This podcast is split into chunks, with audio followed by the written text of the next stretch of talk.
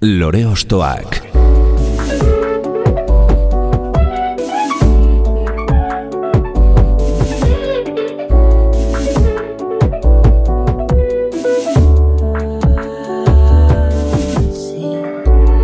Ekain perezek aurkeztuta, gonbidatu bakoitza lore bat balitz bezala ostokatuko dugu. Jakiteko, zeintzuk diren bere lore ostoak. Haupa, zer moduz, ongi etorri, lore ostoak saiora. Gaur mila bederatzen da irurogeita lauean, lasarte horian jaiotako artista bat izango da gure protagonista. Askok, trikitiaren gaiur moduan ikusi izan dute eta soinu txikia molde berrietara eramateko bidea ulergaitza izango litzateke bere lana ipatu gabe. Azpimarragarria da Xavier Berasaluze Leturia pandero jolearen ondoan egindako ibilbidea, baino horrez gain beste artista batzuekin edo bakarka ere ostokatuko dugu jarraian. Izan ere, modu ezberdin batean plantatuko dugu gaurko ariketa, Normalean beste artisten kantuak eskatu idizkiogu gure gonbidatuari, baino okasionetan soilik bere kantuetan barena ibiliko gara, ostokatze prozesu hori modu pertsonalago batean eginez. Hau, lore ostoak da, eta gaurko gure lorea, Joseba Tapia.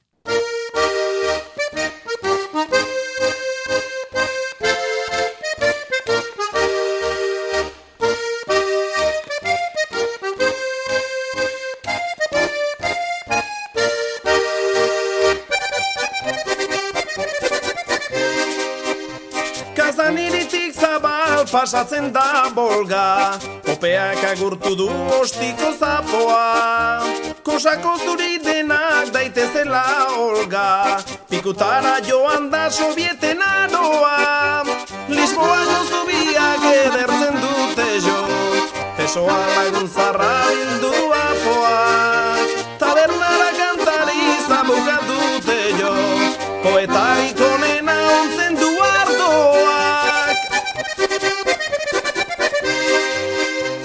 Luisianako lurretan dator Mississippi. Ibai hori begitik sortu du apoak. Zuri ez delako toba delako txipi. Kukuskanen bizita dauka gizajoak Aikutua beteak ez baleude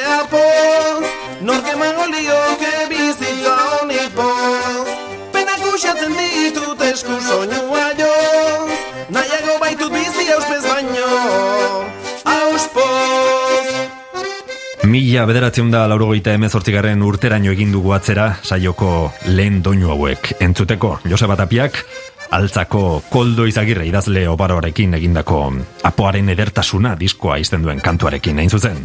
Putzu guztiek dute ondoan apoa. Eta putzuak, beteak ez baleude apoz, nork emango lioke bizitza honi poz. Joseba Tapia, ongi etorri gurera. Eskerrik asko. Apoak animali itxusi moduan ikusi diren arren, hauen edertasuna goraipatu nahi izan zenuten koldoketazuk, analogia edo metafora honekin edo zer esan zeniguten bertan. Horlaxe ez, ba, kantuak e, hori adirazten du ez, e, ba, zer litzaken mundu hau pobrerik eta txikirik gabe ez, e, beti mirak beste aldera jartzen baditugu ere, azkenean duintasuna kapa horretan egoten da gizartean, eta, bueno, horren aldarrikapen bat, hortarako koldok e, ba, animali hau e, hautatu zuen, ba, metafora bezala, eta egoki zetorren. Aha. Trikitisa ere bere garaian infernuko auspoa bezala definitzen zuen Elizak, beste apo edo zapo bat izan liteke. Bai, eta gainera, bueno, ibilbide ezberdina indakoa da trikitisa hori, hasieran oso gaizki ikusia, kanpokoa, kanpoko musika lizunak eh, jotzen zituen eta jendiak dantza lizunak, bueno, gerturatzea bera lizunkeria zelako gara hartan, baino e, bai nazionalismoak, bai e, apaizeriak, e, ba, instrumentori gaizki ikusi zuten, baino gerora, e, ja, bihurtu zaigu, ja, ja, gure instrumentu nazional bezala, eta orduan, ba, jarraitzen du malditoa izaten. Baina buelta handia eman du, eh? Historian zehar instrumentu honek. Nola gauzatu zen, koldo izagirre eta zure arteko elkarrana? Ba, beste proiektu baten atzetik genbiltzan, e, tapia eta leturiakin oraindik eta hola erokeri tik erokerira genbiltzan gu provokazioa o, asko maite genuen eta Jakoa kuadrilakoa dut eta bion artean horraitu ginen ba, egin behar genula e, proiektu bat eta e, hortarako behar genula idazle bat eta e, ba, koldoren artikuluak eta irakurtzen genituen eta ordu ba, koldori eskaini genion. Eta bueno, koldo getzun gure proiektu gura ba, etzuen ba, ez dakit, ba, no, esan, etzuen berotu edo etzuen baino handik hasi zen gure relazioa eta koldo hasi zitzaidan ba, gerora apoaren edertasunan agertuko ziren ba, koplak eta bidaltzen eta tapia teleturia bukatu zenean hor bukaera bat egin genuen tapia teleturia bandekin eta ordun ekin genion e, ekin nion koldoren testuak musikatzeaz eta hor hasi zen gure elkarlana. Mm Provokazioa aipatu duzu, gustuko izan duzu, ez? Bai, ezakit provokazioa, baina austura hori, ez? E, muga horiek, muga horietatik aratago joate hori, ez? Bai, ez dakit, e, bueno, egi esan e, provokazioa e, bide bat bada ere e, ba, mezua zabaltzeko edo provokatzeko ba, e, askotan norbera ez dalako a, e, konturatzen nun bilen edo gizartea ez dalako konturatzen. Baino provokazio horrek noski baditu arriskuak eta nik esango nuke amaika baldarkeria ere e, sortu izan dudala, beraz, e, umiltxogo ibili beharra da. bueno, gauza geldi geoteare aspergarri izan hori da, beraz, mugimendu pixka bat, ez aizu gaizkietorri ziur zuri, ez da, eta ez da ere herri honi. Tira, putzu eta apo artetik, irten ostean, nora begira jarriko gara.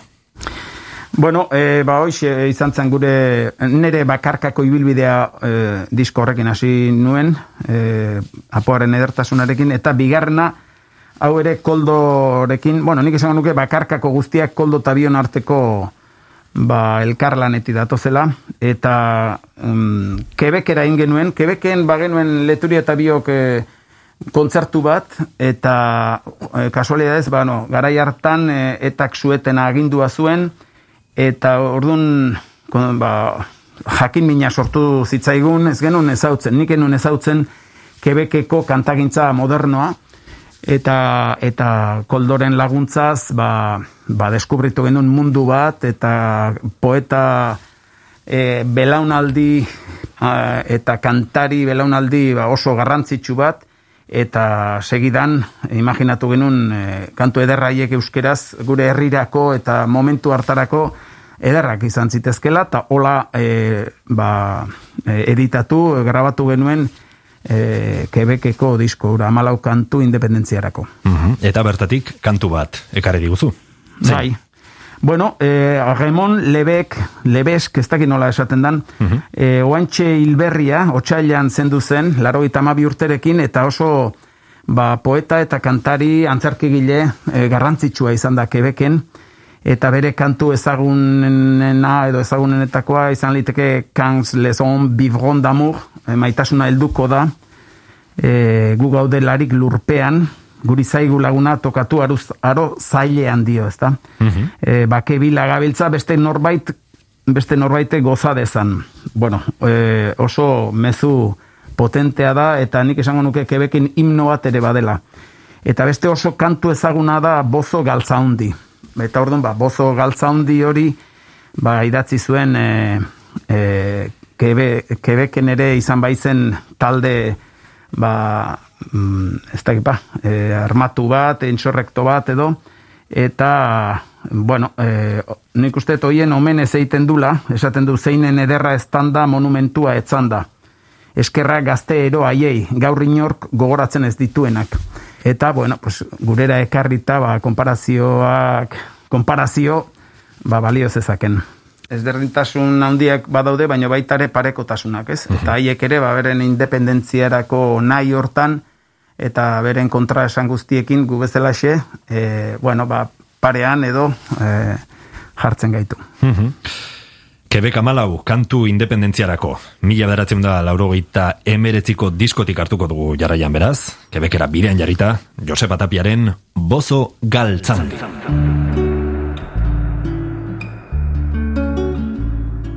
Bazuen galtzetan aize, deitzen nion jala aize, Bozo Galtzandi.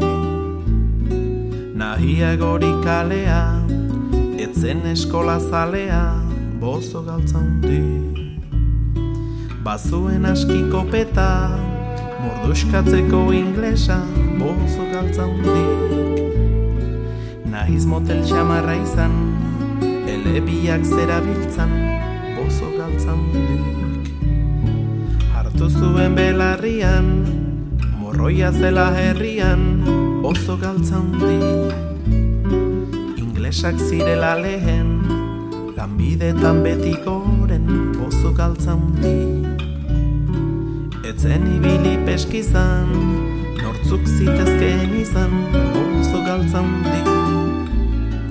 Herriaren xurgatzaile, politiko edo praile, bozo galtzan di. Jelostu, dinamita zuen ohostu, bozo galtzan di. Zeinen ederra ez da, monumentua etzan da, bozo galtzan di. Herria zen iratzartu, poliziek zuten sartu, bozo galtza hundi. Bordin gogorren artean, ahantzi zenan artean, bozo galtza hundi. Haserretu ez bazina, nolatan hemen aitzina, bozo galtza hundi. Politikariak orain, badabiltzala gainez gain, bozo galtza hundi. Eskubidez dira mintzo, molde zabaleta zintzo, bozo galtza hundi. Berriro sortuko balitz, herrian mila zapartitz, bozo galtza hundi. Kartzelati jalgitzean, zure izena galtzean, bozo galtza hundi. Nork zaitu zubilatuko, nor dazuta zoroituko, bozo galtza hundi. Bozo galtza hundi.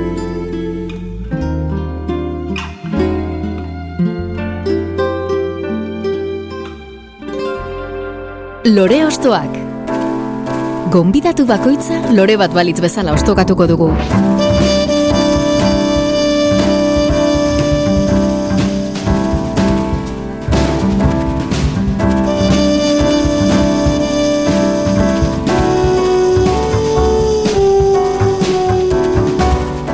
Joseba Tapiarekin egin dugu bat gaurko saioan, bere ibilbideko abestietan barrena bideiatuz, eta Joseba, zure izenaren alboan leturiarena ere hitz larriz jarri beharko dugu.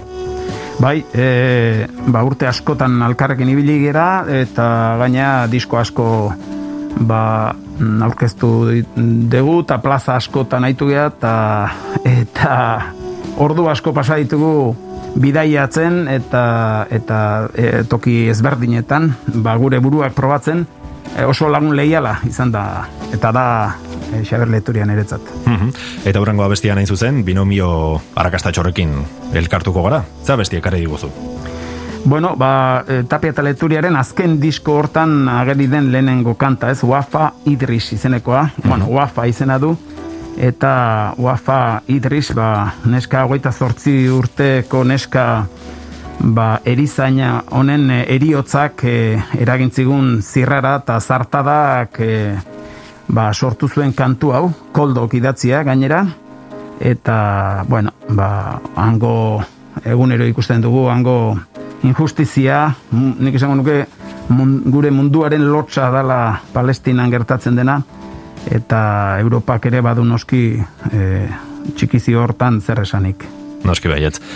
Beraz, lehen kebeken izan bagara, orain Palestina aldera begira e, jarriko gara. Ze musikari edo instrumentu entzun ditzakegu hemen? Ba, e, azken e, garai hortan e, laukote eginen, tapietaleturia, arkaitz minerrek mandolina hemen kantu honetan ala jo- joko du, eta biolina, gitarra akustikoa, bueno, arkaitz artista handia, e, eta gero e, Jesus, Aramburu, Txus, e, pianoarekin, hori ere ba, Quebeceko influentzia edo izan zen, ba, han e, dantza taldeetan asko erabiltzen zuten gitarra bera baino gehiago igual pianoa bera, eta horrela osatu genuen gero e, leturiak e, panderoaz aparte zapatak ere ba, jotze zituen eta hor azken denboraldia laukote hortan genuen eta justu ba, disko hau ere horrela atea zen Ta hemen, ba, mandolina eta trikitixea ola uztartuta entzungo ditugu. Polita da, edo, bueno, kuriosoa behintzat ez, ze ariketa egiten duzuen abesti honetan, nola historio triste batetik abiatuta, doinu alai batzuk sortzen dituzu duen, ez? Bai, askotan, e, hola, gertatzen da, ez, trikitixeanik esan, esango nuke badaukala e, joera hori, ez? E, oso alai izatetik, oso triste izaterare pasaliteke bere soinua, ez? Ez dakit, adibidez, imaginatzen badugu festa batean dantzalekuan, ba oso alaia gertatu liteke, baino e, hileta batean oso tristea ere, bai, ez? Nik uste, e, trompetak ere adibidez badula, eta behar bada instrumentu gehienek, badute bi, biko hori, ez? Malenkolia puntu hori, ez, agian, eh? Bai, nik uste tamen, e, hau, esango nuke trekitixa erritmo bat e, jarri genion, alai nahian, baino hartzen du oso ondo uztartzen da gaiarekin. Bai. E, askotan topikoiek ez, ez dute beti hola ondo funtzionatzen, ez? Ba, kantu tristeetarako menorreko tonuak edo alderantziz. Mhm. Hain zuzen, izeneko 2002ko tapie eta leturiaren lanetik Wafa Idrisen memoria bereskuratuko dugu, beraz, abeste honekin. Entzun dezagun, Wafa.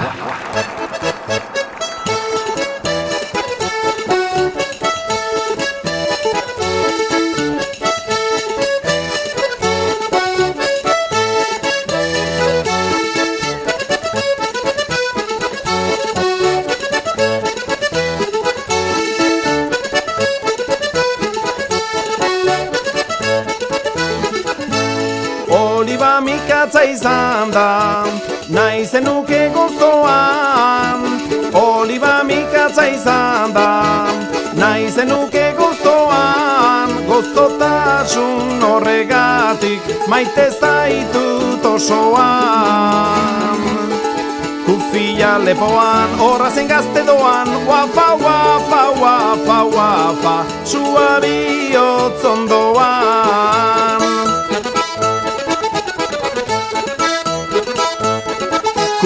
Kufia lepoan, horra zein eldu doan Wafa, wafa, wafa, wafa Sua bihotzondoan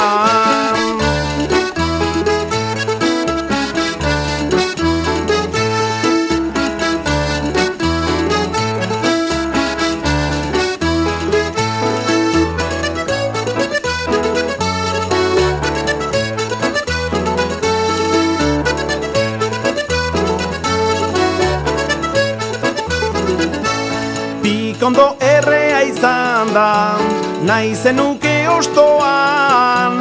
Bikondo errea izan da, nahi zenuke ostoan. Ostotasun horregatik maite zaitut osoan.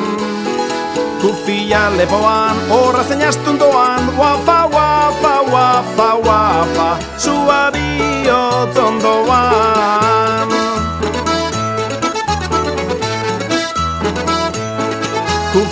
lepoan, horra zeinarin doan Wafa, wafa, wafa, wafa Sua bihotzondoan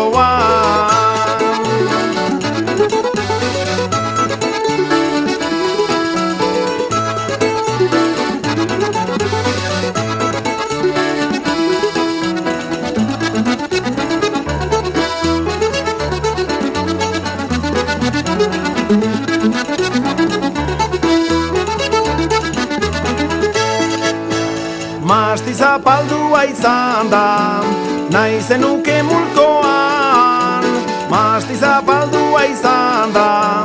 Nahi zenuke mulkoan Arrotasun horregatik Maite zaitu tosoan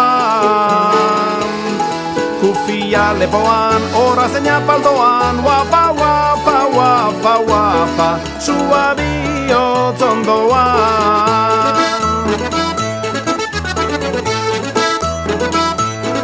Kufia lepoan, horra zeina rodoan. Wafa, wafa, wafa, wafa. Sua bihotzondoan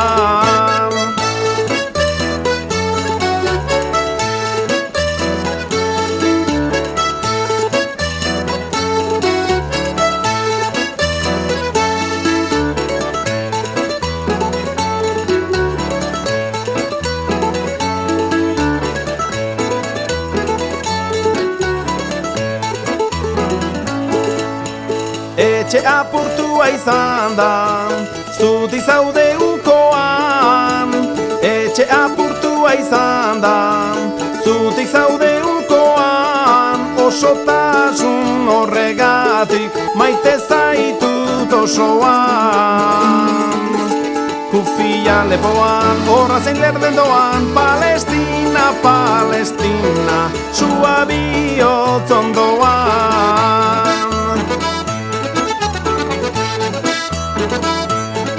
Kantuz nada mala, hautsia du egala Palestina, Palestina, erdi minez ramala.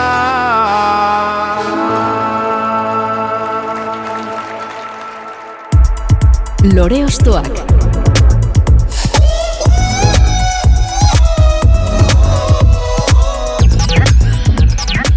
Tapia eta Leturiaren Wafa kantuaren doinu ederretan barrena. Palestinako gerra zikinaren itzala alaitasunez jantzi dugu trikitiaren laguntzaz eta gerraren itzalak gurean ere argia nahi baino gehiagotan estali izan duenez. Ikerketa eta bereskuratzelan bikaina osatu zenuen agurin txorta maite lanarekin. Konta iguzu nola otu zitzaizun disko hau egitea? Ba, hau ere beste lan batean ari ginela ba, deskubritu genuen eh, materiala izan zen e, hogeita amasei garren urtean gertatu zen kolpe militar hortan e, galtzea tokatu zitzaion herri baten e, lekukotza ez zautze ez genuena. Gu e, koldorekin gainea e, trekitisa elkartetik e, elgetari buruz ginen liburua egin nahian eta hor e, arakatzen da bila genbiltzala eta koldo ere bila zebilela ba tarteka e, garai haietako e, kazetetan eta aldizkarietan agertzen zien solteak zeuden e, ba, koplak, bertsoak eta ba, hor material ikeragarria deskubritu genuen eta bueno, guk zati bat baino ez genuen kantatu e, intxorta maiten esango genuke ba Bilbo hartu arteko tarte hori eskaini genion, gerora beste disko batzutan ba jarraipena izan zutena, ez? Aha. Eta e, deskubrimentu horietan e, bai, asko anonimoak zian, letrak, baina beste batzutan ba, e, sinadura bazuten eta oain entzungo dugun kantu hontan e, ezagutu genuen Josemari Lopetegi irundarra eta irungo bertsolaria e, eta politikaria e, republikarra zen eta eta bueno, e, sarreran e, aurreneko kantua diskoa honekin hasten da e, ba, kontatzen du azkenean e, gerra guztietan pasatzen dena, ez? E, kontatzen du zergatik sortu zen gerra hau. Eta dio, ba, aberatxaren merioz dator hemengo naste osua. Oinpean beti irukinaiak langile edo behartxua.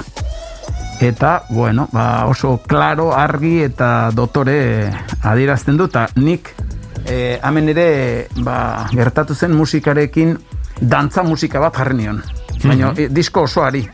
E, nola ari ginen elgetari buruz, ba, e, elgetaren repertoria nola bait, nire osoa ba, eleuteriok eakutsi zian trekitixan, trekitixarako, eta urdun ba, e, horrela hautatu nuen esango genuke ba, tematika honetan e, musika eta estiloa. Eta horregatik ba, oso dantzagarria dan doinuarekin kantatu nuen e, kaitza bertso sortau. Horantxe aipatzen genuena, bueno, lehen aipatzen genuen horrekin ez, austura hori eginez bai, e, agian tematika edo gai serio edo bueno, e, iluna dirudien batetik abiat, abiatuta, ba nola doinu alaiak jarrita sortzen duzun ere emaitza eder bat, ez?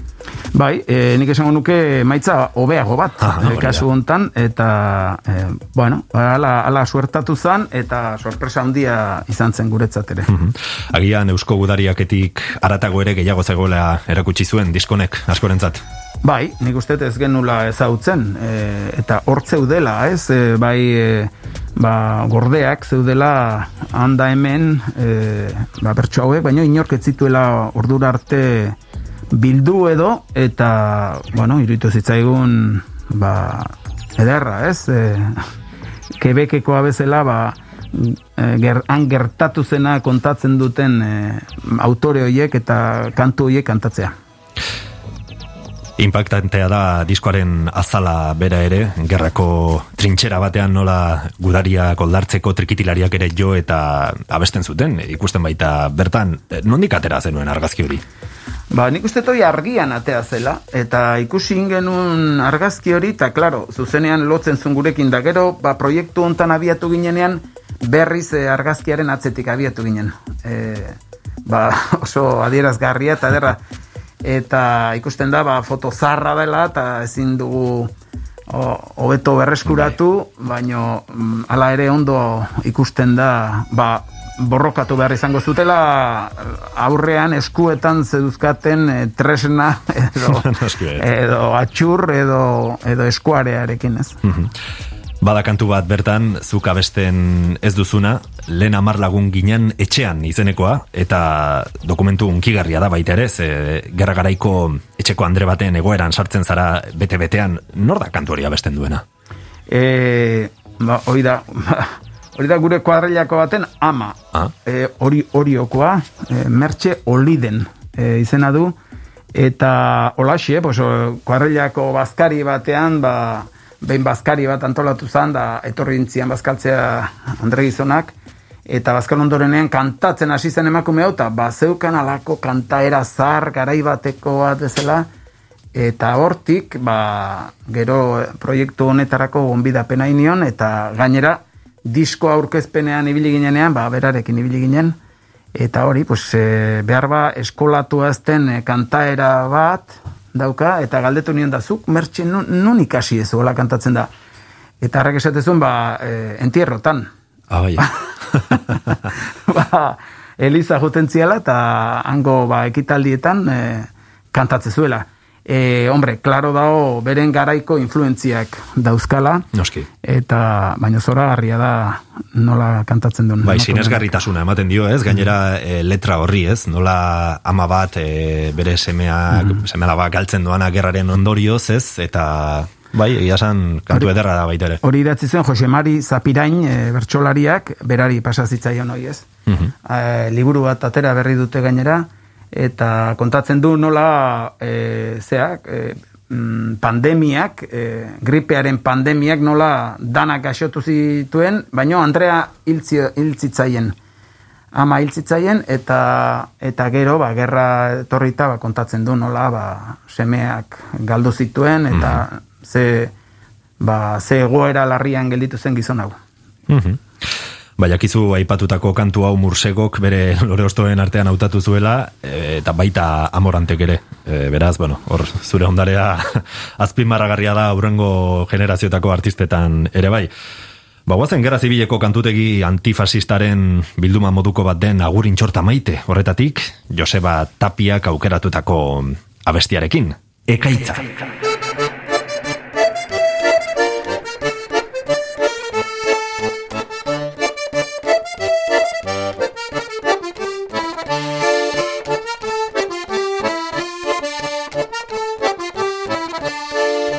Hilaren emeretzia, egun belzta pozoitxua. Ezagutzen zan bazatorrela, ekaitzak inera sua. Beri alaxena barmendu zan, tximista gaiztoan sua. Odol gorrituz gain beraz izan, uholdero bidasua. Amaika maren seme galdu da, aizeme gizagaixua.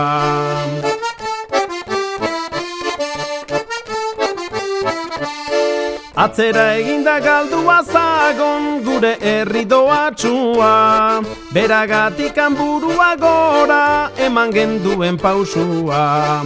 Egazki zarrak bomba goitikan nonaitik kainona zua Ekaitzak azkabarra bezala bazatorren balazua. Amaika ama gaur esaten du aizeme gizagaixua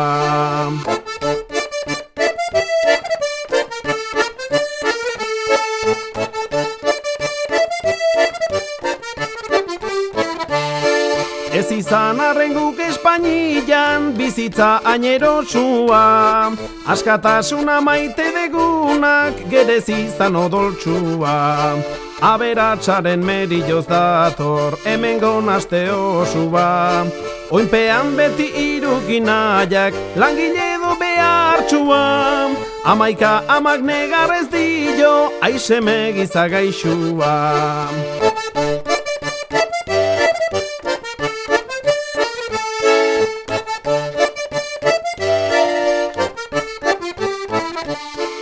Urdi burnizko gudako eginak di aurrun itxuratsua.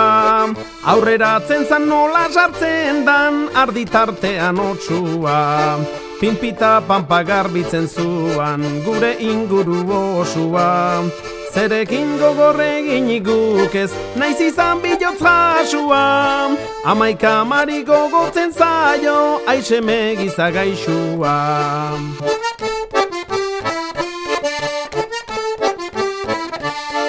Iretsi nahirik nola enarak, iretsitzen du neltsua. Berrogeita bostegun onela, ura bizitza pixua. Irungo herri zora garria, leialeta mamitsua. Behartxuaren laguntzailia, zuzena eta zintzua. Amaika mariaztuko etzaio, aixeme gizagaixua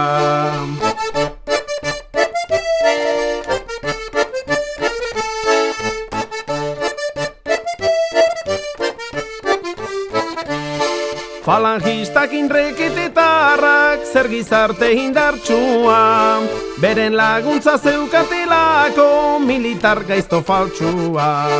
Alkarren gana bildu dira de bekaizkorta sita altsua.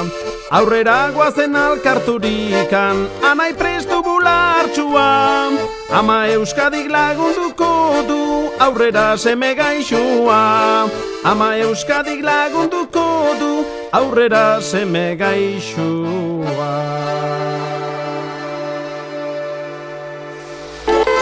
EITB Euskal Kantak irrati digitala entzuten ari zara.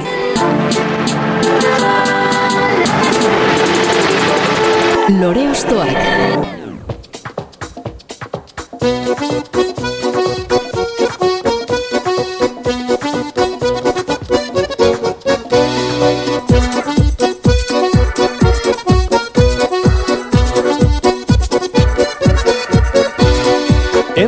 Ezazu kontzejal jauna edo handerea.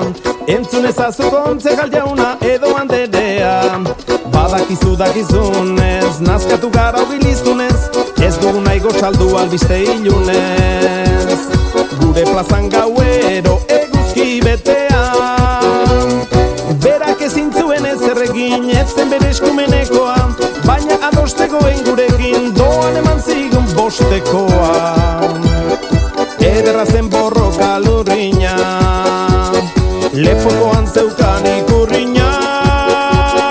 Entzun ezazu alkate jauna edo handerea Entzun ezazu alkate jauna edo handerea Presa berririk ez darren Edertoko azazken garren Ez zaidu ardura berandutu arren. Bareari berea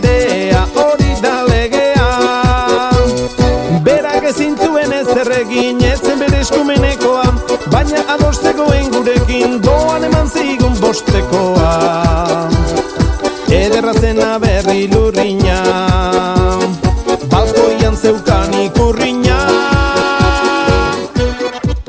Real Politik 2006ko diskoari izena ematen dion abestian trikitixa dance edo tekno ritmoen gainean aurkeztu zuen Joseba Tapiak soinu txikia estilo ezberdinetara eramateko bide horretan ba, beste lurralde bat ere konkistatuz. Kritikak jaso izan dituzu herriaren instrumentu bezala kontsideratua dagoena mm, tradiziotik ara, aratago eramatearen Ba, izan genitun hasieran, eh, txapelketak ziela, eta, bueno, gero, geroztik, ba, eh, disko zenbaitetan ere, bai, ba, gitarra, nik uste, bateria eta bajua sartzeak etzula hainbesteko kaltekin, naiz eta guk horri ere bildurra genion, baina gero ja gitarra elektriko sartu gendunean, hor bai, e, ostras, kosta zitzaion, e, belaunaldi bati, eta e, bide berean, belaunaldi gazteagoak iaia hori horri esker entzuten gintuen. Noski. Askotan, bueno, hain tradizioko instrumentu edo bezala kontsidera daiteken edo kontsideratzen zen, lehen agian gehiago trikitixak ez, hori hartu eta beste zerbait berria egite horrekin, ez? Claro, jende asko eh, askoak burura eman eta esango zuen zer ari dire egiten gure gure kulturarekin, gure folklorearekin, ez? Baina baita ere, e, gertatzen dalako e, trekitixa oso mundu ruralekoa izan da bakarrik. E, ez da izan e, irikoa, ez da urbanoa izan, eta urdun e, e, ze ikusia dauka mundu konservadore harrekin. E, mundu hartan, e, kanpokoari bildurra zitzaion. Eta bazetorren e, movimentu mm, beldurgarri bat rock izena zuena eta orduan e, ez dak, etzekiten zertzen baino hoi ez behintzat ez? Baino beste alde mundu harrek e, konsumitu iten zuen eta maite gintuen da eramaten gintuen. Eta eta bueno, ba, bi aldeak zeuzkan, eh, mundu harrek. Mm Gaina kurioso da, lehen aipatzen genuen, ez? Trikitixa hasieran infernuko auspoa bezala kontsideratzen zena, gero oso herriko instrumentua oso geurea, eta gero, ba, kanpoko beste zerbait infernuko musika bezala ikus daiteke, eta nola aldatzen e, joaten den hori ez, mm gurpil baten modan bueltaka, bueltaka, bueltaka, eta bueno, hori da evoluzioa, nola bait, baita ez. Baita egiten dugulako apropiatu, ez? E, eta izendatu, ba, hau tradizionala da, hau ez, hau gurea da, hau ez da gurea, eta e, hoiek ba, beren arriskua izate dute. Bai, eta e, debate zait arriskutxoa, baina bai komplejua, ez, tradizioarena, tradizio musikarena, non daude mugak, ez, e, trikitixa eren onbaitetik etorriko zen. Eta, karo, goeure egiten dugu, baino... Gaina, trikitixa izango da instrumentu berrienetakoa, beraz, tradizio, ez? Noski, noski. Eta real politiko honetan zer kontatzen diguzu edo non dator titulua? Bueno, e, koldo izagerreren testu bada, eta, bueno, pues, e, oso errex eta azkar ulertzen da, eta gainea mm, egunero bizi dugu, ez? E, ba, ba, politika edo demokraziaren amarrua, ez? Mm, beti, ba, horren defensa egiten da, askatasunaren defensa bezala, baina gero atzean am, amarrua ikusten da eta ba, gure politikarien jukutria eta jatortasuna ba, agertu nahi izango zuen e, koldok, nik ala ulertu numentzat, eta ba, estribiloa etengabe errepikatzen da, berak ezin zuen ezer egin, etzen bere eskumenekoa. Baina ados zegoen gurekin. Mhm. Doan eman zigun bostekoa. Ederra zen aberri lurrina, aldamenean beti ikurrina. Urdun e, badao autokritika batez gure gure gizarte, gure politika eta gure ba, gure kontraesan eta gure gezurretan, ez? Mm Eta kantu honetan, aipatu dut, en, bueno, nola dance edo tekno erritmoak esartu zen ituzten, e, ritmo kasekin jolastuz, eta nola autu zuen ideia hori, edo nola zergaitik bideratu zen duten abesti hau e, modu honetan?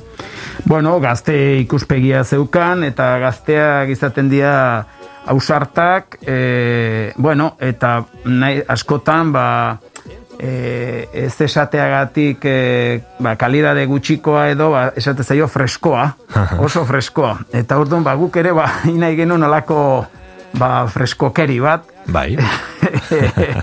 ba, eta orduan e, errimo kaxa baino ba, lupak zian. Bai. Lupen e, mundu hori parean tokatu zitzaidan eta oso egoki zetorren gero noski hortan aditua zienak, ba, kritika bat baino gehiago intziaten, ez? Jo, oi, hobeto xogo intzitekela, eta ni justu, ba, eh, ez nuen hain ondo ere egin nahi alde hortatik. Baina, bueno, kantu bakarra da hola, disko osoan, eta bai. batzuk ulertu zuten disko osoa zela hola, eta eontzen horreko nahaste bat. Mhm. Beno, eta lehen agurin txorta maite diskoarekin gerra zibileko doinuak hartu baditugu, orain berriz ere mende bat atzerago eginda, gerra giroan murgilduko gara berriz, zehatzago esan da karlistaldietako kantutegian, ez da, Joseba? Bai, badirudi e, kantu guziek igualak diala, ez? Eta gerra, gerra guztietan gabiltza untza taunea, baino e, igual, e, kanpotik igual iduri luke, ba, bueno, hor nabilelanik ez dakit e, kantutegi zarrak mm, bilduma bat egin nahian, baino, atzean dagoena bai bada ba, euskaldunok dugun ditugun arazo eta ditugun kontraesanen e, ba, rekopilazio bat, ez? Eta emeretzi garren mendean, ba, hortxe hor ere, e, borbondarrekin, konstituzioekin, eta ibili ginen borrokan, eta religioarekin, eta mundua ikusteko beste ikuspegi batzuk zituztenekin, Baina polita zan adibidez, ba, gerra hortan bi bandotan euskaldunak izatia eta biak eh, dira bertxotan, elkarren kontra. Eta eta ze euskera ederrak eta zituzten, ez? E, oraindik euskera batuaren aurreko garaietan, baina batez ere hori, ez? E, ba, e, ba, Euskal Herria ikusteko ikuspegi ezberdin bat e, ageri dute, hori interesatzen zitzaidan. Gero noski ageri da nola beti e, Espainian e, nola adarra jotzen diguten, eta beraien gerretan sartzen gera guk zer zein nahian, baina gero hor uzten gaituzte bastarrean. Beti galtzai, ez? Hori da. Beraz oso dotorea da kantutegia. Kantutegi hori bai, gordea eta bildua zegoen. E, agurrin txorta maite ez bezala. Mhm. Eta, bueno, hor ere, ba, doinuak nola jarri, ez? E, eta... Bueno, ba, imaginatu nun e, talde militar bat inbernuela, e, banda militar bat, ez? Baina, bueno, nire influentziekin, claro. Eta hori nien inituen bi banda, bat karlistena eta bestea liberalena. Eta batzuk... Gerra musikal bat sortu zen Hori da, batzuk zian iparraldekoak eta besteak egoaldekoak. Eta orduan ba, e, tarteka ba, e, banaka ibiltzen ginen, tartekak, e, tarteka biak alkarrekin e, aitu ginen, eta, eta bueno, asko, Bueno, ba, garai hori ekartzea importantea zen e, e, ze gertatu zen. Eta, bueno, batez ere, ba, nik karlistak eta liberalen e, oiei buruz, ba, idearik ez neukan, eskolan esan ziguten, ez dakize, dinastia aldaketa, eta Fernando Zazpigarna, eta bere alaba, eta ez dakize, eta bere anaia Carlos, eta, bueno, ez genuen hortik aparte askoz gehiago entenditu, eta eta kantu hauek entenditu arazten dute geixogu. Herriko ikuspuntutik edo bueno. Gaina ez zuen ejertzitorik, karlistek ez zuten ejertzitorik eta eta guri esker, euskaldunei esker, esker da, katalanei esker, ba, borrokatu zuen bere anaiaren kontra. Uh Aukeratu zuen kantua liberalen ikuspuntutik idatzitakoa da, ezta? Bai, e, bueno, e, hemen karlista gehiago, ez? E, karlistei buruz dakigu gehiago, baina kantuetan e, liberalenak e, askoz eh, politagoak edo. Eta gero, ba, ageri da sinadura bat, Serafin Baroja, eta hau zen eh, Pio Barojaren aita. Eta Euskal idazle eta poeta. eh? Eta bilintx bezala, ba, liberala eta karlisten kontra idatzi zuen. Eta bueno, eh, ba, hoxe, karrena izan dut. Argazkiek momentuak inmortalizatu hoi dituztela esan hoi da, baino kantuek, pentsamoldeak, gertaerak eta umorea ere harrapatu ditzaket ez da? Hoi da, ez, kantuak badauka. E, almen hori, naiz eta fotografirik eta bideorik ez, ba, nik uste, e, mendeetan e, kantuen bidez pasa diala, ba, mm, ba, ez dakit, e, e, ba, kaltegarriak zirenak, beldurra sortze zutenak, edo, edo besterik gabe, gertatuaren berri, ba, askotan kantuetan jaso dugu garbien. Mhm.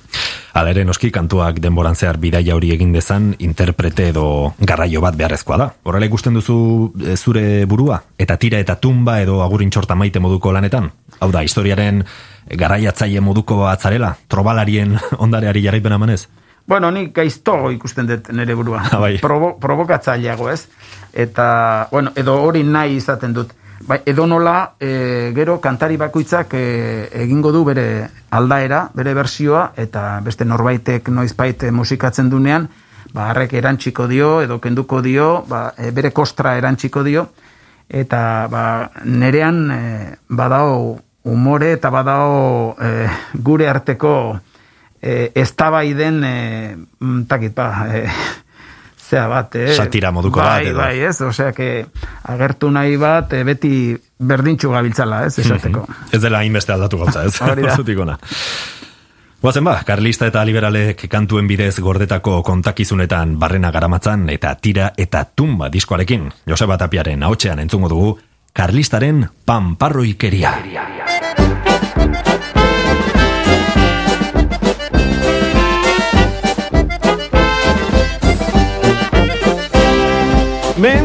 Gora basoan jira ezin kalera jetxirik Hemen digitzu landik igesi basauntzen gisa bizirik. Horra karlistak nun nola diran badio zuten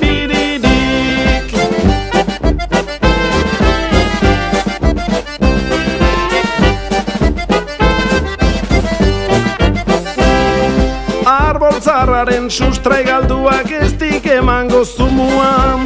Tximinirako naiz izan ona ukatuko dik frutua. Carlos bezela dizun dutua zego bere partidua.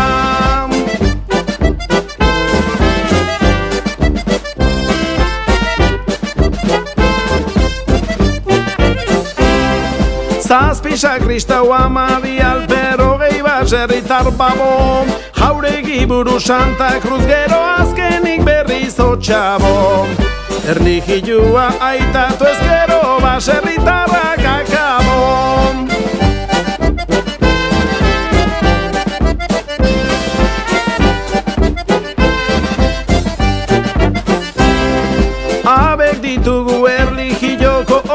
horma berriko santuak Euskal Herriak heldutzen ditu horlako apostoluak. Horra porno bizesan ez gero lerdekan mandamentuak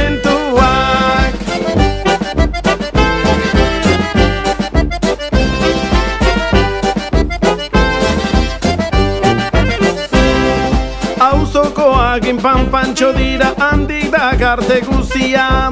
Aie txinguka karlistak berri zintzilika miseria Beti honela juntatu zira gozea eta egarria.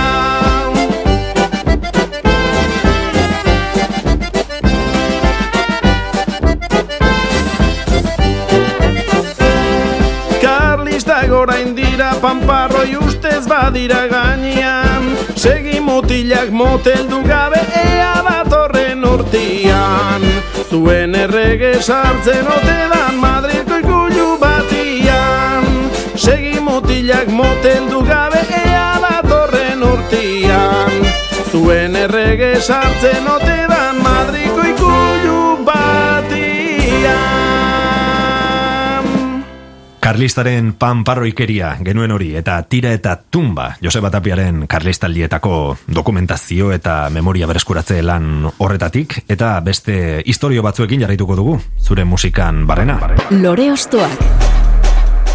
Oraingoan nor da protagonista? Bueno, Luis Rezolaren kantutegi bat e, ageri da hemen e, esango denuke Luis Rezolak nire okerrezpan hau bintzat, e, bi liburu ditu Antonio Zabalak argitaratuak eta, bueno, ba, esango genuke ba, bertsolari, oiko bertsolaria ba, herriko festak, herriko apustuak e, kontatzen dituena, baino badago tartean, erdian hor bera kartzelan idatzi zituenak Eta orduan, ba, horra ageri da ez bakarrik e, beste negar bat eta beste maila bat ere, esango nuke, baizik eta agertzen da nola gizon honek, e, e, Luise Errezola honek, saiatu zituen beste neurri eta beste modu batzuk bertsoak egiteko. E, eta, e, bueno, kontatzen duena da, ba, ba, gure beste pasarte gogor bat, ez, kartzelaldia kontatzen du, e, lekukotza nahi du utzi eta kontutan izan e, Luis Rezolak hogei urte zitula e, Frankoren gerra etorri zanean eta aldegin zuen eta Eusko gudora estetan ibili zen. Eta bueno, pues, atzeraka atzeraka Bilbo hartu zuten arte Santanderrea eta hor bakea sinatu e, Italiarrekin bakea sinatu baina gero kartzelan sartu zituzten. Eta orduan ba, kartzelan ba, ba, fusilamenduak eta beldurra bueno, orduan e, ekarriko dugun kantu hontan ageri da kartzelaren e, ba, usaia, humedadea eta eta zorriak eta tximutxak eta kilimaka Italiarek harrapatu zuten, ez? E, Italiarrekin e, intzuten e, bakea sinatu. Bai, eta gero... gero- nik uste haiek salduko zituztela. Vale. Eh? Baina, bueno, ez dakitain Ha. garbi ere. Eh? Bai. Eta orduan, ba, bueno, azkenean e, ageri betikoa ez da urduko gauza bakarrik, baizik eta garbi dauna da kartzelak pobreentzat eta menderatuentzat direla eta, bueno, pues e, hemen disko guztia da Luisek kartzelan idatzitakotik. Luis Rezola idazle eta bertsolari tolosararen memoria bereskuratu zenuen beraz lan honetan eta okerez banago trikitia gabe aurkeztu zenuen lehen lana izan zen hau. E, nola eman zenuen pausu hori? Bueno, gu ba, txikitatik jotzen du gitarra ere, e, oso zaliak izan gara gitarra espainolakin, da gero el, beranduago elektrikarekin, da tapia eta leturia band ere, ba, gitarrekin da ait- eh, aitu ginen. Eta, bueno, e, nola, nola jarri musika ez, E, kartzela barruan, e, iluntasun, beldur eta horri, eta, bueno, ba, gitarra e, hartu nuen eskutan, eta nolabait eh, ez dakit ba, eh, nik gaztetan ezagutu nuen eh, movimentu hortan fijatu nintzen, ez? Ez dokamairukoen ba, soinu klase hartan, ez? Ba, gitarrarekin, eta, bueno, ausartu initzen, nire jakinduri eskasian, ba, gitarrarekin kantak egiten. Eta, e, bueno, ba, hartzen du beste kostra bat. Konbidatu nuen e, txelista bat, Luis Fernandez, Luis Fernandez, e, zautzen nuen lendik ere, eta, bueno, ba, e, txeloaren negarrak e, oraindik e, sinesgarritasun handiago ematen dio ba, beldur eta egoera gogorrarri, ez? Eta hola osatu genuen gitarra eta gitarra espainola eta txelo batekin disko osoa. Mhm. Luis Rezola, tximela moduan ezaguturiko idazle bertsolari eta gudariaren ziegan sartuko gara jarraian beraz, Joseba Tapiak, oraingoan, gitarra lagun hartuta abestutako tximutxa kilimaka kantuan. Ireki dezagun horretarako 2008ko tximela kapitainaren izarrak diskoa.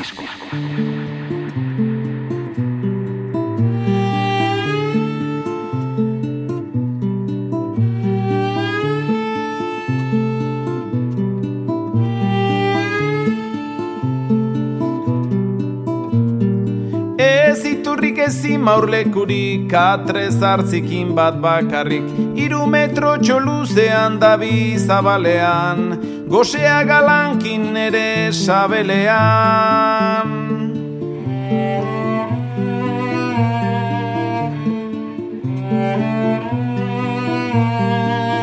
Atea zabalik baino itxita gehiotan Burni ziriak leiotan Bost lagun gaude gelantan, alkarri bultzak alotan, pozi gaudenean ontan.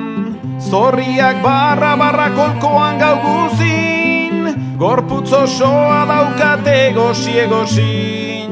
Inork ez ditu hartzen oiek hemen grazin, eltsoa eta elbia gainera arkakosin. Tximutxak ilimak atalo egin ezin.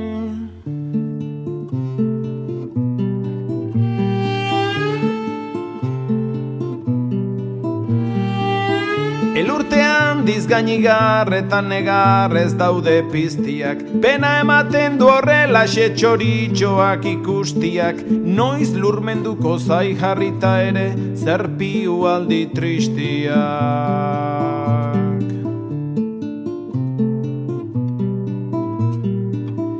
Era berean arkitzen gera Itxita gauden guztiak. Era berean arkitzen gera Itxita gauden guztiak. Era berean arkitzen gera Itxita gauden guztiak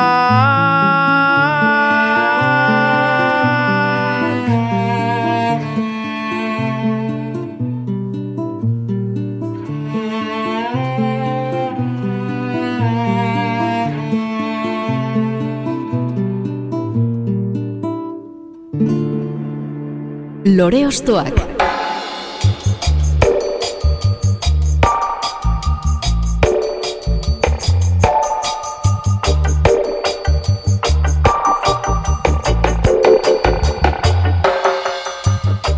Joseba Tapiaren gitarra eta ahotsa izan ditugu Tximutxa Kilimaka 2008ko abestian eta orain arte bezala lasarteko musikariaren doinuetan barrena jarraituko dugu. Lasai guzu, Joseba, nora begira, jarriko gara orain. Bueno, e, ba, hau ere koldo, bueno, e, nire bakarkako guztia, koldo eta bion artean. Koldo Bai. izkutuan, dania gerian. Eta, e, ba, liburu bat e, erakutsi zidan, e, Vitoriano Gandiagak, mila behatziren da irurogeita mazazpian, Madridera indako txango batean ondoren idatzitakoa. Eta horra geri da, ba, testu hau, ez, Madrilgo lagunak. Irurogeita mazazpian e, kontatzen duenak eta gaur egun goak, ba, oso berdinak ematen dute.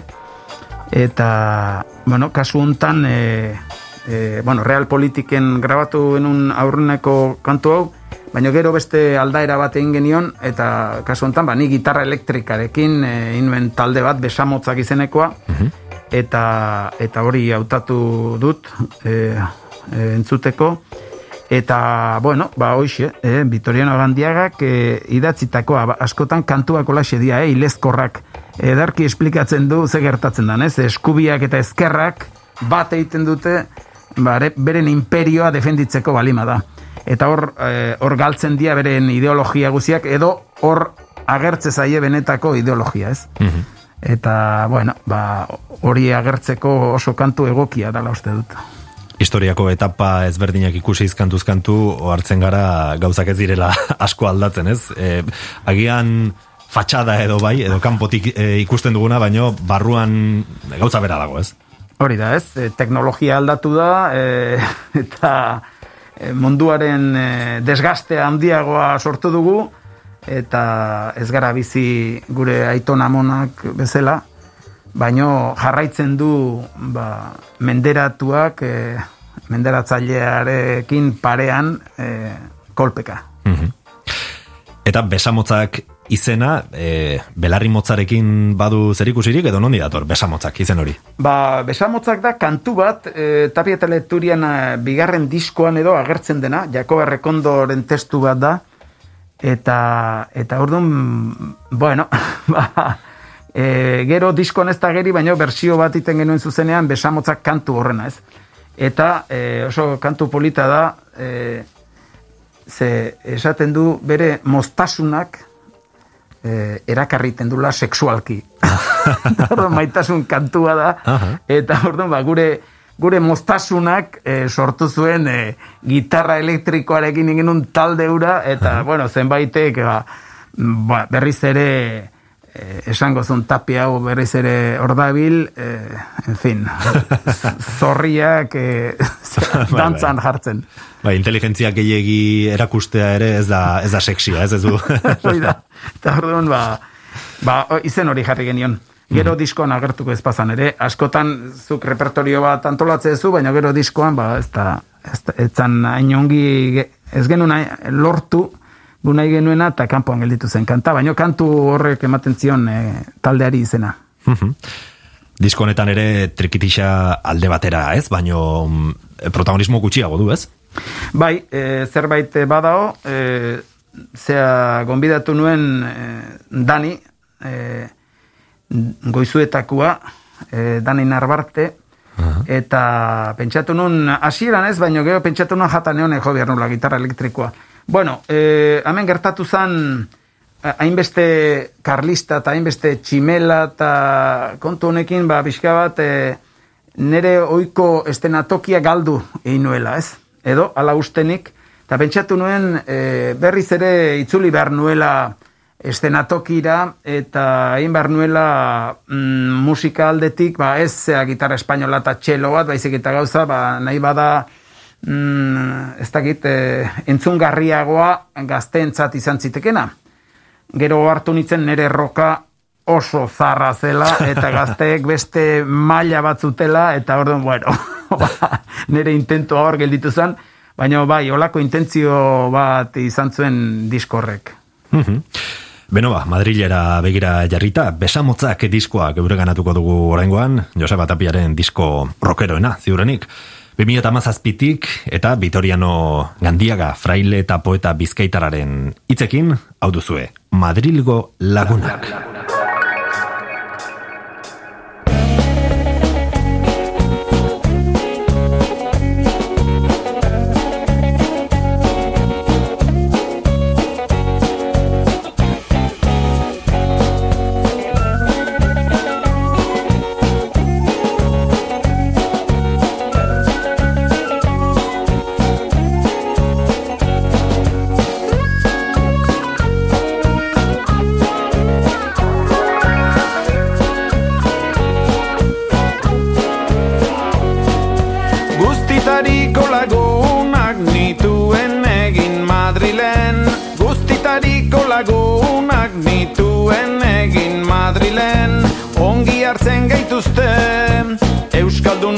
Madrilen Ongi hartzen gaituzte.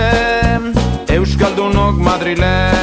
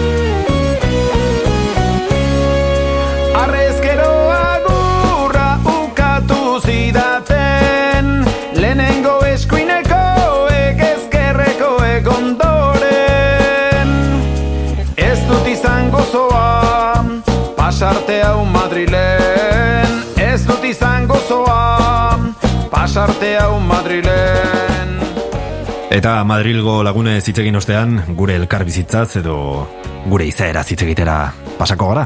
Bueno, e, hemen ere berriz ere Josemari Lopetegi ageri da, e, kantuaren izena askatasunaz, eta kuriosoa da, ze mm, hau mila behatzireun da hogeita malaugarren urtean gertatutako kontu bat kontatzen du e, Josemari honek, eta esaten du nola azpeitira joan ziren lau errepublikar e, azpeitira mitina ematea.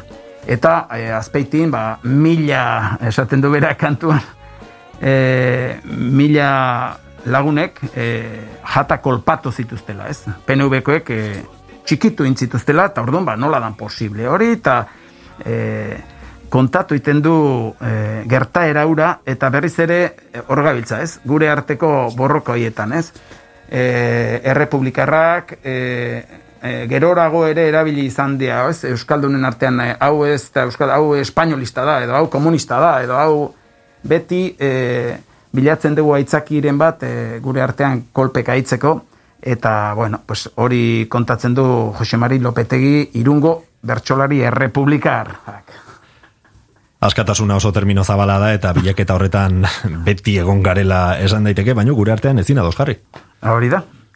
Bueno, Madriden jarri dia, ados, eh? askatasunaz. Zer, zerbezak edateko. bai, bai, toki batzuetan badakite, ados jartzen, eh? Eta askatasun hori errez eh, Erabiltzen. erabiltzen eta lau izetara bidaltzen, ez? Hoxe, hoxe. Eta urten poderioz, obera edo okerrera guazen sentsazioa duzu. Ez dakit. E, ba, ez dakit zer esan. Nik, hola, bromatan esan izan dut, gure arraz hau bukatuko alitz eh, munduak e, ba, pakearra eukiko lukela, ze e, e, esportatzen ditugun euskaldunak ere ez danak e, zera, honekuak, ador honekuak, eta zenbat apellido ikusten dugun e, zeatan, e, kanpoko, e, en fin, e, enpresetan eta politikarietan eta bankuetan eta eta hola, eskerrak on batzuk hemen gelditzen garen. Bai, ez, bueno, bertakoak hemen geratzen badira onak, ba, ba hobez. E, kasu hontan, e, aldaera hontan, real politikeko aldaera ekarriko dugu, eta hemen e, bazeon olako e, zera, musikalki nastu nituen bi trikitixea tonu ezberdinekoak. Ah? Eta horrela, e, e, eiten nuen olako joku harmoniko bat, e, bueno, oso atzeti dago, ez dakit notatuko den, baino, ba, olako intentzio bat, e, eta hor daude, mm, ba, ik, e, zea, e, arkaitz e, miner, eta hor daude, Jesus Aramburu ere. Mm Ondo irudika dezake horrek elkarra dos jarri ezin daiteken herri baten Mira, eh, lotura hori ez, ba, bi, bi tonalidades berdinetan, ba, nola, baina bueno, zuk behintzat lortu zenuen uztartzea. Hori da, hori da, osea, que esperantza pixka. Hori da, ea lortzen dugun guk ere. Zer buruz bide bihotz gabe, zerra maitasun zitala, zer gizontasun neurri gabea, zer zentzu gabe kuergela. Zer gertatzen da Euskal Herrian, zer karabiltza honela, zer itxuretan anai jatorrak, zer pakez ezin gaudela, zer esan nahi du jarraikera honek zer, zentzu gabea gerala. Nun gertatu da honelakorik, nun jaunak nun azpeitian.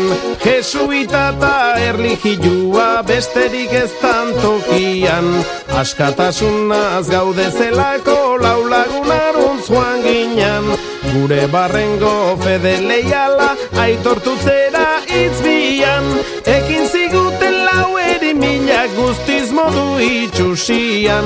Ekin ziguten lau eri mila guztiz modu itxusian.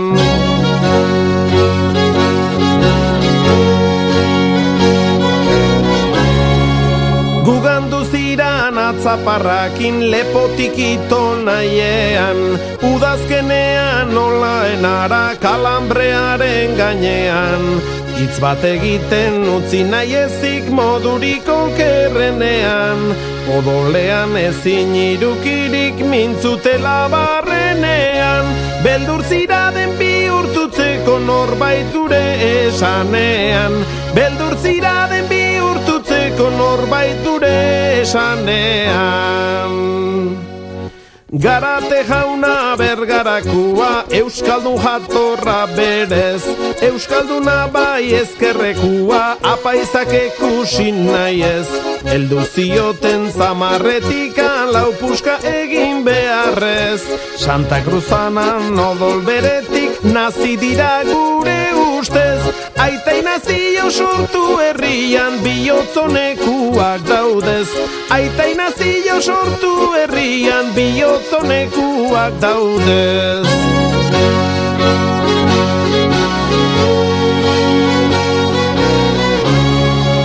Gomendio zan honen laguna, jaunun bat oinatiara Otzikan gabela jadiote gizajoari bizkarra Tira tabultza hautsi zioten soinean zeukan zamarra.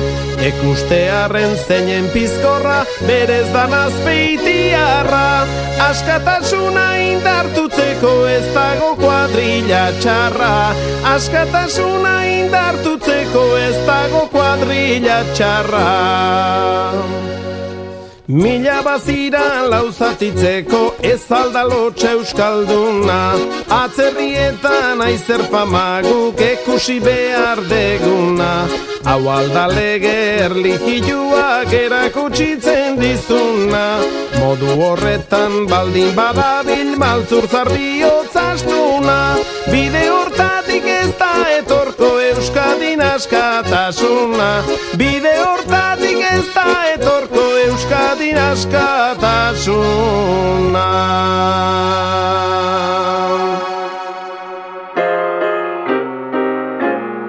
Lore Ostoak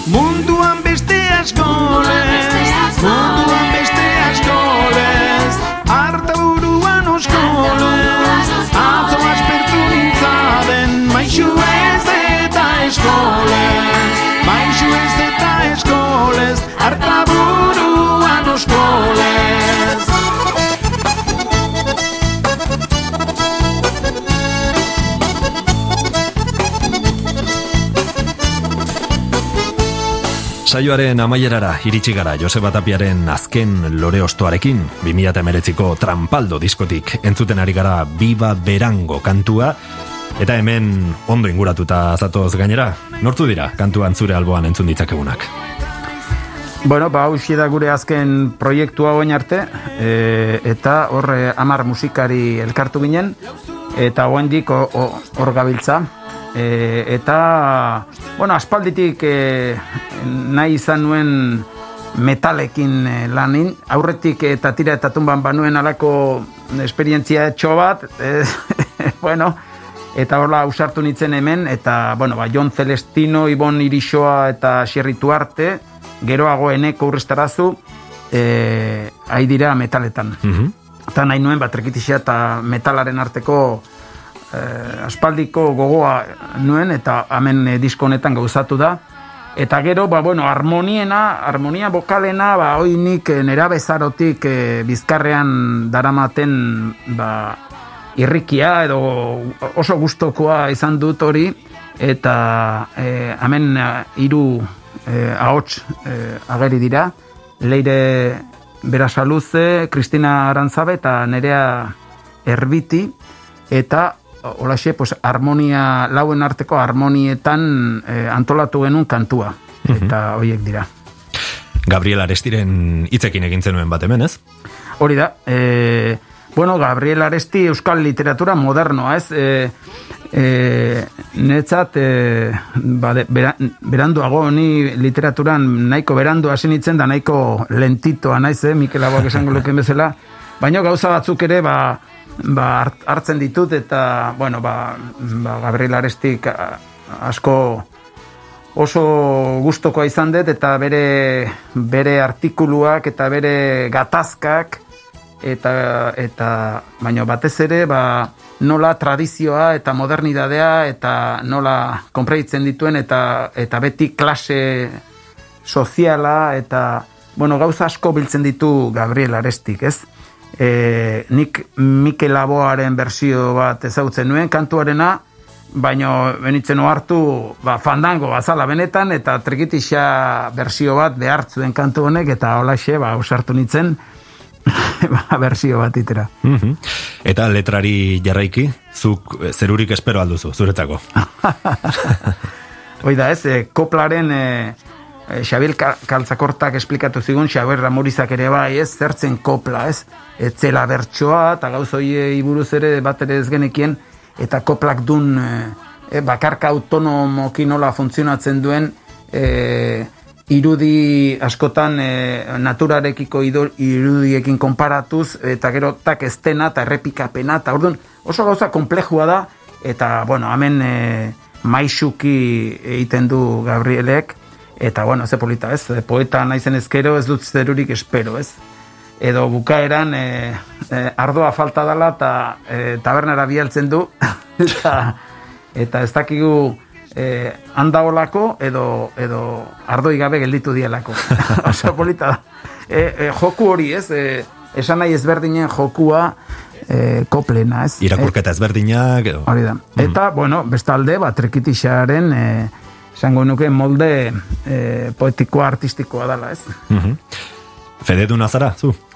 Bai, baina ez dakit ez, ez jangoikoaren, ez e, gu, zu badakizu e, jangoikoa laja zala guretzat, e? eta eta orduan ba, guk beste jainko batzuk euki ditugu. Elgeta esaten da, ba, Elizara sartu gabe, kanpoan sasian gelditu zela, eta gu ez gea fiatzekoak, gu, gu, gu, gu ez gea kristau zintzoak izan, nire gremiokoak. Oain aldatzen igo laiko hoi, eh? baina... Gu izan geha mozkorren pare eta bertxolarien pare, ez? Beraz, infernuko auspoari izena egokia jarri diezuezuek ere, o? Eh, haie, apaize jarri zieten izena, eta guretzat ezin egokiago. Primeran. Beno bai, Joseba Tapia, guztiz ostokatu zaitugu dagoeneko, zure kantuen atzean zertzegoen ezagutu nahi genuen, eta nik uste ederki ase ditugula gure nahiak, beraz, eskerrik asko gure era etortzagatik. Eskerrik asko hiri. Gustora gontzara? Oso. Beno, bazorte hon, hemendik aurrerakoarekin, trikitixarekin, edo trikitixagabe bada ere, herri honek oso eskertua egon behar du egin duzun lanarekin, transgresio edo urratze ariketarekin, eta zergaitik ez esan, gure kulturaren evoluzioaren parte garrantzitsu izanik baita ere. Ondo izan, Joseba Tapia. Eskerrik asko. Eta zuri entzule, ba, eskerrik asko, gurekin beste behin beste alde horretan izateagatik. Pentsatzen dut Joseba Tapiaren sekretu batzuk ezagutuko zenituela zuk ere, Beraz horrekin geratzen gara. Gogoratu, eitb.eus barra euskalkantak atarian edo eitb podcasten topatuko dituzula lore ostoak saioaren atal guztiak. Nire partetik besterik ez, biba berango entzunez, bagoaz. Ondo izan, eta urren arte. Gure amonak esan di, gure amonak esan di, aita karnoa edan di, joan.